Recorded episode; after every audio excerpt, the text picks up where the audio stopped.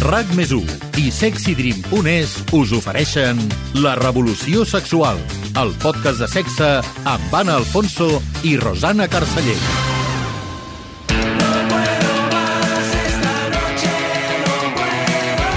Cada quan hauríem de tenir sexe?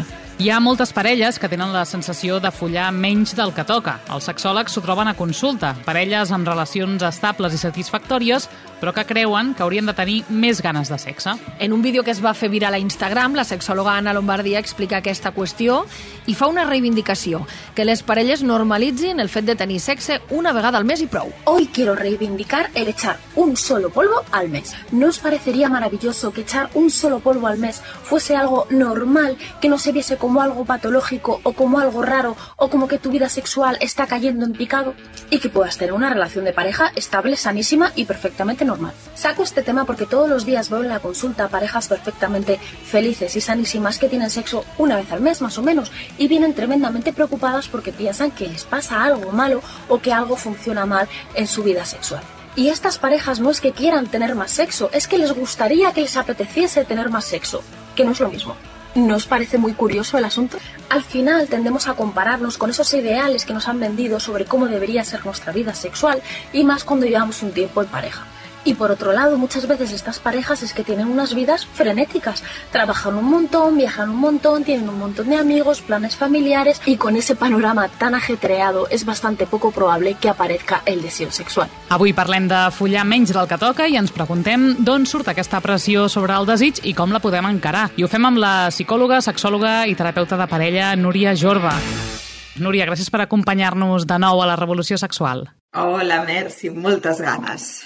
Què et sembla això que diu l'Anna Lombardia, de reivindicar follar una vegada al mes? Em sembla perfecte. Jo crec que tots els especialistes que ens dediquem a aquest sector eh, veiem no? que, que les parelles, diguéssim, estables, que porten temps, que tenen una vida doncs, moguda, eh, doncs no hi ha massa temps per més i realment apareix el sexe com a molt, i com a molt, diria, un cop al mes. Tu també trobes cada dia parelles a consulta que tenen poc sexe i estan bé, però que es pensen que tenen algun problema pel fet de tenir poc sexe? Clar, és que aquest és el, el, el, el punt clau, no? La qüestió objectiva és per què ha d'haver-hi un problema si hi ha poc sexe. I què és poc sexe? Perquè jo sempre ho dic, no? Jo moltes vegades quan faig tot el historial d'una visita i tal, i els hi pregunto, moltes vegades em diuen, escolta, però és que no, no t'hem dit la freqüència, com preocupats, eh? Preocupats de dir, t'hem de dir que, ostres, és que a vegades és un cop cada mes o cada dos mesos. I, i clar, això és preocupant. I, i jo els dic, bueno, però és que a mi m'és igual la freqüència. A mi el que m'importa és la qualitat. Quantes parelles fan el que jo dic el síndrome del calendario. Jo li dic així, no? que és el, hosti, s'ha de fitxar. Com que hagi una empresa de dir, és que hem de fitxar perquè és que si no fem aquest, aquest polvo cada setmana, mínim, i, i mínim una a la setmana, i si són dos millor, eh, malament estem. Però és que al final que generem una obligació i acaben sent relacions sexuals d'aquestes de 10 minuts que jo dic de descàrrega abans d'anar a dormir i que, que, que és que no has connectat amb la teva parella ni t'has enterat de res, quasi bé. I no passa a vegades que si no fas això um, deixes el sexe com per més endavant i per més endavant i per més endavant i al final acaba no arribant mai? Sí, però per, jo, jo canvio una mica la perspectiva, no? És a dir, què és sexe? Eh, sexe és, si ens centrem només en el sexe, és la pràctica sexual de tenir una relació sexual. Vale, anem, a, anem a obrir una mica les mires, no? Per què no pensem en sexualitat? És a dir, per què no intentem pensar en sexualitat, en erotisme, en intimitat? Per mi és molt més valuós el tocar el cul i dir una cosa eròtica, o tenir un sopar que rius eh, moltíssim amb la teva parella, o dutxar-te junts amb quatre petons ben donats, que una relació perquè toca i mal feta. Llavors sí que li hem de posar el focus en petits moments, jo dic, no cal més de 10 minuts, petits moments d'intimitat, d'erotisme, de, de, de complicitat. Això és el que fa mantenir una parella i és el que és realment la xispa. Sí, però a la vegada, moltes vegades escoltem a dir que no totes les, no totes les sessions de sexe, totes les vegades que tenim sexe, ha de ser dues hores recreant-nos, tocant-nos, meravellós, sinó que de vegades potser amb un polvo de 10 minuts pot, es, pot estar molt bé també, no? I tant! I fins i tot aquest moment de dir, escolta, doncs jo et faig avui alguna a tu i tu demà em faràs una altra cosa i no cal que els dos gaudim sempre ni estiguem sempre connectats, no? Com, com comentes. Però quin és el problema? Quan ho fem amb sentiment de tasca, fantàstica. I aquest és el que passa amb moltes parelles estables, que no és allò que diguis, hosti, em ve de gust un polvo de 10 minuts, m'hi poso i pim-pom i ja està, i bona nit. Si em ve de gust, fantàstic. El problema és que normalment ho fem perquè toca, perquè si no, no estem sent una parella sexualment activa. I aquí està la dificultat. Mm. I d'on ve tota aquesta pressió per tenir sexe diverses vegades a la setmana o la freqüència que sigui? Jo crec que per dos motius. El primer motiu és la situació social, no?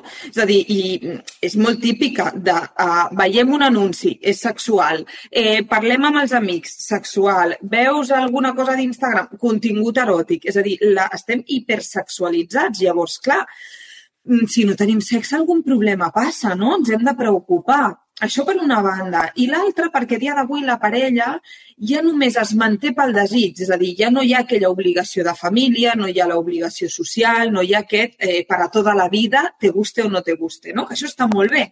Però, clar, fa que llavors la parella només es basi en si estic a gust amb tu i si tinc desig per tu, en general, eh? Parlo no només desig sexual. Però què passa?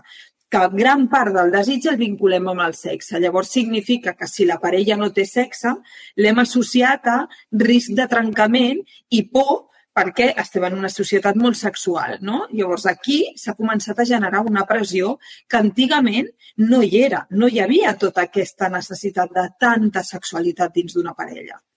Per tant, que una parella no tingui sexe molt freqüent no vol dir que s'hagi de trencar, perquè moltes vegades ho sentim a dir, si no hi ha sexe la parella no funcionarà. Per mi, no. És a dir, el que fa que la parella funcioni és la sensació de complicitat i equip.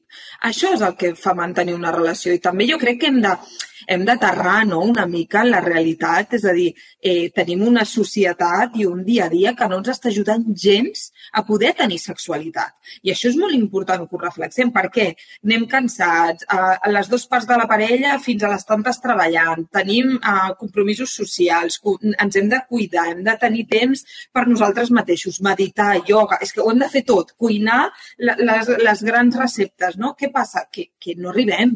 I llavors què, què fem? doncs la sexualitat va quedant en últim lloc perquè estem cansats, perquè no arribem i sempre primer prioritzem les obligacions perquè s'han de treure. No? Llavors, què passa? Que, que la sexualitat, estem en una societat hipersexual, però la sexualitat a nivell pràctic, a nivell de parella estable, cada cop jo estic veient que és menor perquè és insostenible el tipus de vida que portem. Per tant, potser hem de posar més el focus en aquesta complicitat i aquest equip, no? Clar, a l'àudio que hem sentit ara a l'inici, l'Anna Lombardia deia precisament això, no? que les parelles acostumen a estar molt ocupades amb aquest ritme de vida frenètic. Si frenéssim una mica, sí que és veritat que les obligacions s'han de fer, però moltes vegades tenim molts plans d'oci, molts plans fora de casa, he d'anar a sopar amb la parella, en lloc de he d'estar al sofà amb la parella i potser sorgeix el sexe. Si frenéssim una mica i ens relaxéssim una miqueta més, podríem ajudar a tenir més ganes de sexe, no tots plegats? Mira, bon consell perquè això és una de les coses que, que ensenyem no? i recomanem. És a dir, el primer és que estem en un xip massa productiu. Eh, què passa? Que si ja estem sempre en haig de fer això, haig de fer l'altre, haig de resoldre això, ja no tenim ni connexió amb el nostre propi cos, que aquí comença la dificultat. No? Si jo no estic connectat amb el meu cos, si jo no, no m'escolto, si jo no tinc espais on, on poder sentir, eh, ja la propi desig, ja no dic el sexe en parella, el propi desig està hiperdesconnectat amb moltes persones que jo veig. Llavors, aquest és el primer punt. I el segon, el que dius, no començar a aprendre a parar en parella. Si no tenim aquells espais de sofà, no? de manta, d'una pel·lícula, de tirar-nos al llit, d'aixecar-nos més tard, de, de tenir un cap de setmana de dir no quedem amb ningú, només nosaltres. Això ajudaria moltíssim, no? Però sempre és, no, hem de veure els amics, hem d'anar el dissabte, a vegades veig moltes parelles, el dissabte a casa teva amb els teus pares, el diumenge a casa meva amb els meus pares. Dius, bueno, i a sobre hem de fer la compra, fer les coses de casa perquè no ens dona temps entre setmana. Ja no hi ha lloc. I el perfeccionisme, perquè tot això s'ha de fer a la perfecció. La casa ha d'estar com les influencers les ten, la tenen la casa a Instagram, tot ha d'estar... La criança l'hem de fer amb els nens superbé, tot, tot és un nivell de perfeccionisme mm, exagerat, no? Potser també a banda del ritme. Sí, i, i eh, crec que tant aquest ritme com aquesta visió de perfecció fa que mai podem baixar la guàrdia i mai ens podem relaxar, no? O sigui, hi ha com un sentiment de, de, de culpabilitat fins i tot al no fer. I, I si ho fem a mitges, hosti, que mal fet. Estic al sofà amb la meva parella, no, jo això ho veig molt. I és, ostres, sí, però és que estava veient la cuina que està feta un desastre. O resulta que no he posat el renta, o tinc una secadora per recollir. Clar, dius, així anem malament. Llavors, crec que el primer punt és canviar el xip de nosaltres mateixos i després com estem gestionant la nostra relació de parella. Quin seria l'ideal de com ha de ser la vida sexual? El que més gent pensa que és millor? Vull dir, la gent espera, doncs, hauria de tenir sexe tres o quatre vegades per setmana, per exemple? És el que et diuen a consulta? Sí, la, la mitja diria que està mínim en dos cops i l'ideal en quatre cops a la setmana. Això és el que moltes vegades et venen demanant, no? Uh, clar, aquí mm, intentem explicar tot aquesta, tots aquests arguments, que reflexionin, analitzar si hi ha alguna cosa que no està bé, però el seu ideal seria unes quatre a la setmana, és, vol dir que la parella està fantàsticament bé, no? I la realitat de les parelles que tu tens? És a dir, poden arribar a estar doncs, dos o tres mesos o sis sense tenir sexe o quina és la realitat de la freqüència?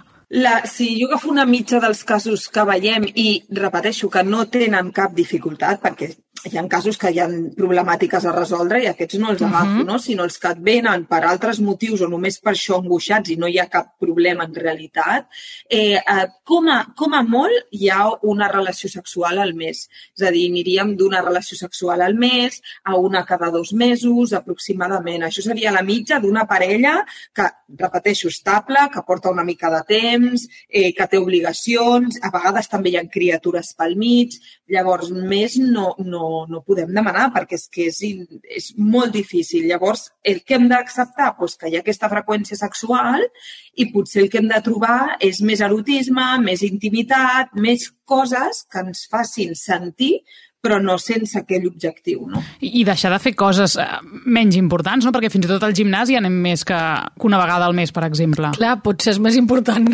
el, el gimnàs i cuidar-se que no el sexe per altres persones, no? No sé. Sí, eh, això jo, jo ho parlo molt, no? El fet de dir, vale, què prioritzes a la teva vida? No? Perquè eh, prioritzem el... Eh, bueno, haig de tenir la cuina neta, haig d'anar mm, al gimnàs, haig de fer-me les ungles, m'ho invento, haig de contestar aquest WhatsApp d'aquesta amiga que m'ha enviat quasi un podcast de sis minuts, no? I, i en canvi, després dius, vale, i el sexe... No, al final, sempre està al final. És sorprenent per què el deixem al final. I això també quan, quan eh, rasques una miqueta i preguntes, jo me n'acabo adonant de que com que tenim una rutina en parella, al final tenim aquella sensació que la parella es cuida sola i ja tira, perquè et veig cada nit, et veig a casa, eh, compartim molts moments, no? Però, però simplement estem compartint espai. I, i, però tenim la sensació allà. En canvi, l'amiga la tenim lluny. En canvi, el gimnàs és algo que, que ho hem de fer perquè el cos ho veiem molt ràpid reflexat, no? Si, si ens cuidem o no ens cuidem. En canvi, la parella no es veu, és una nebulosa. I, però moltes vegades arriba un dia que dius, hosti, eh, la meva parella m'ha dit que, que no vol seguir. Ostri, he perdut una tercera persona, que no estic dient que sigui la causa sempre, eh? però a vegades el motiu d'una infidelitat és pues, carència per una de les parts de sexualitat. No de pròpia relació sexual, sinó de connexió, no? la majoria de vegades. I de cop ens cau del cel eh, doncs potser és el que dieu, no? Ens hem de preocupar de quines prioritats tenim i quins espais utilitzem per, per, per cada cosa. I pels casos que tu et trobes a la consulta, normalment hi ha un membre de la parella que sol tenir més ganes de sexe que l'altre? Sí, eh, jo no he vist a dia d'avui cap parella que tingui la, la mateixa necessitat o el mateix desig sexual. La majoria de casos és que un en té més que l'altre i això és una complicació important en parella que no ens ensenyen a gestionar-la, no? I ara diríeu, oh, és l'home, és la dona? Mm, depèn. O sigui, sí que antigament veiem més el patró masculí, però a dia d'avui, que jo sempre dic que cada cop som menys home-dona i som més persones, eh, ja diria que està a 50-50, que ja és indiferent, perquè la dona també necessita sentir-se desitjada, també necessita sentir-se connectada, no? Llavors mm -hmm. es queixen eh, els dos sexes, diguéssim. Fa unes setmanes a la Revolució Sexual vam parlar del llibre La ciència del sexo, del bioquímic i divulgador científic Per Estupinyà, i l'autor explica que des del 1999 s'han fet diversos estudis que han mostrat que moltes dones tenen manca de desig sexual, però per a moltes dones aquesta manca de desig no interfereix gens en el seu benestar, i ens ho ha explicat. Quan se va començar a fer enquestes preguntant si la gent tenia falta de libido o el que en aquell moment se va anomenar desordre de desig sexual hipoactiu o hipoactive sexual desire disorder, van sortir uns números considerablement alts, més en dones que en homes, de l'ordre del 40%, depèn de l'edat, depèn de molts factors, però nombres sorprenentment alts. I llavors algunes persones, alguns membres també de la indústria farmacèutica van veure que allí hi havia un potencial per tractar això i van fer el cas de que era una de les, dels aspectes de la medicina sexual que s'havia d'investigar i tractar més. I és veritat que s'ha d'investigar i tractar. El que passa és que quan després van fer unes enquestes més afinades preguntant a aquestes persones que tenien falta de libido si els ho suposava un problema, menys de la meitat van dir que sí. És a dir, que d'este 40% potser només el 17% sí que sentien un malestar pel fet de no tenir desig sexual sense una explicació clara. I, òbviament, en aquests casos sí que s'ha de contemplar què està passant. I pot ser un abordatge psicològic o, en alguns casos, pot ser un, un trastorn hormonal i podria ser que hagués, hi ha hagut algun fàrmac que el tractés. De fet, hi ha el, el flibasterina, hi ha un fàrmac als Estats Units aprovat per la FDA, no aquí, que s'està receptant. Al seu llibre, de fet, Estupinyà explica que activistes com Leonor Tiffer defensen que el concepte de disfunció sexual femenina és un constructe artificial fomentat per la indústria farmacèutica i per una societat sexista que posa aquesta exigència a les dones, no? d'uns nivells de libido molt superiors al que potser és natural. Tu hi estàs d'acord, Núria, amb això? Sí, jo, jo estic d'acord en que moltes vegades quan la dona ve a treballar, per exemple, la seva sexualitat a consulta, ve per, per pressió uh, de, de, la, de la parella, en aquest cas heterosexual, no? Eh, no li neix de si mateixa normalment dir tinc una dificultat, eh, vaig a resoldre-la. Per què? Jo, jo crec que és molt clar. Uh, l'home, jo sempre faig un símil molt tonto, però l'home, eh, la sexualitat té una base testosterona, té una base hormonal, que jo faig el símil amb el menjar, no? Quan tenim gana, tenim gana i és igual que tinguem son, és igual que arribem tard, tenim gana. Um, en canvi, la dona, la sexualitat la viu molt més psicològica, no tenim aquest push hormonal eh, tan, tan bèstia com té els homes, i jo sempre dic que és com en el gimnàs, que a l'inici, hosti, m'haig de concentrar, haig de desconnectar la ment, haig de, de connectar amb el desig. Però quan surto del gimnàs estic superbé i que guai que hi hagi anat i, i, i vull tornar en aquell moment, no? Llavors, eh, què passa? Que estem intentant que uh, la, la, la dona visqui la sexualitat com l'home, o tingui el mateix desig o les mateixes necessitats. I això mai serà així si tenim aquesta diferència hormonal, no? I el que hem d'acceptar és que si jo no tinc aquesta necessitat tan fisiològica, moltes vegades no em suposa un problema. Perquè, repeteixo, la sexualitat la visc més com un desig, com un em suma, però si no en tinc no em resta moltes vegades. Hi ha un altre tema que és el sexe quan hi ha nens petits, que mereixeria tot un capítol a banda i que n'hem parlat a la revolució sexual. Ah, Se'n parla de la sèrie Això no és Suècia, en el capítol dedicat al sexe, i apareixen les mares que van a teràpia familiar i que fan algunes reflexions en la sessió grupal amb la psicòloga. A mi a vegades em perturba que al meu voltant m'ho diuen molt... No, no, és que... Bueno, és que, és que s'ha de follar, si no la parella se'n va a la merda, com... No folles, divorci. I a mi això em genera molta ansietat, perquè llavors ah, jo m'obligo a follar. I crec que no mola. No? Aviam, el, el... No mole. Bueno, porque te, te, encuentras a todas las parejas, tenéis que buscaros el momento. ¿no? Nosotros follamos, encontramos un momentito y es perfecto, perfecto, 10 minutos, como, pues escuchas y piensas, yo qué sé. Clar, però penseu que quan estàs en criança, posar el sexe com, una, com un motiu a la balança per no estar bé no és cuidar-vos. Hay una sensación de, de yo me siento abusada O sea, siento que abusan de mi cuerpo. Tengo todo, todo el día los niños encima, el bebé chupando. Y luego el, el padre que también quiere... Que quiere chupar. También quiere mi cuerpo, ¿no? O sea, también quiere. Y, y, bueno, és demasiado. És que a mi me passa tot el contrari. Quan he parit tenia moltíssimes ganes de follar, però vull dir, en punts. A mi m'han fet l'episotomia i jo és com a follar. O sigui, que m'han dit, no, Déu meu, i és com, sí, allí acaba el gar. O sea, lo que sea, que necesito dentro. Así, literalment. Què et sembla, Núria, això? S'ha de follar amb nens i si no divorci, com diu el personatge de la Nausica Bonin, o no? Eh, mira, jo les parelles que tenen criatures petites i que trobin moments de sexualitat els hi faig un monument. És a dir, eh, anem a normalitzar. Jo el que dic a consulta sempre és el primer any de criança no existeix el sexe com a tal. Anem-ho a normalitzar. Eh, eh, És que, fins i tot, si, si jo el que veig moltes vegades és que aquella criatura no pot estar perquè acaba de néixer ni tres minuts sola, com tenim sexe.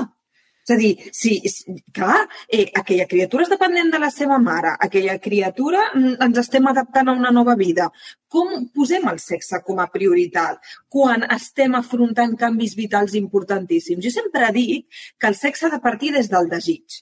Llavors, hi ha l'opció de que hi hagi un desig hormonal, com escoltàvem, no? de dir, ostres, és que en tinc moltes ganes i les meves hormones m'ho demanen, això fantàstic. Però la majoria de casos el desig és molt més psicològic. I quan apareix aquest desig psicològic? Quan la resta de coses estan col·locades. Quan arriba una criatura en una família, de cop tot es descol·loca i has de tor tornar a trobar com un hàbit vital nou. La sexualitat s'ha de deixar en últim lloc, perquè si no, jo repeteixo, el que més veig que destrossa les parelles és associar sexe amb obligació. Perquè llavors sí es té sexe, però amb una supermala experiència que això sí que destrossa la parella ella. I per contra, aquests testimonis com el que sortia a l'escena de dones que acaben de parir i que tenen unes ganes brutals de sexe, això és fora de l'habitual, no? Pot passar, suposo, però no és comú, no? No és comú, és, és molt poc habitual i és una reacció hormonal eh, que, que és molt, molt, molt poc habitual perquè la majoria de casos el que passa és això, no? una sensació de reconnectar-te amb el cos, una sensació d'abusió, de, de, de, de sentir-te abusada pel cos perquè, perquè tot el rato l'estan utilitzant, no? la criatura, i a sobre amb la parella, el cansament, el no sentir-te tu. Llavors, tot això ho has de reconstruir fins que no ho reconstrueixes i tornes a trobar el, el teu propi jo, no podem començar a trobar el, el nosaltres. I un cop s'ha trobat el nosaltres, apareix el desig. Llavors, paciència, per, per què és tan, tan necessari la, el sexe com a tal? No? Anem a veure que la parella està connectada, anem a veure que la parella té complicitat, anem a veure que la parella sap fer equip, i a partir d'aquí la resta fluirà sol.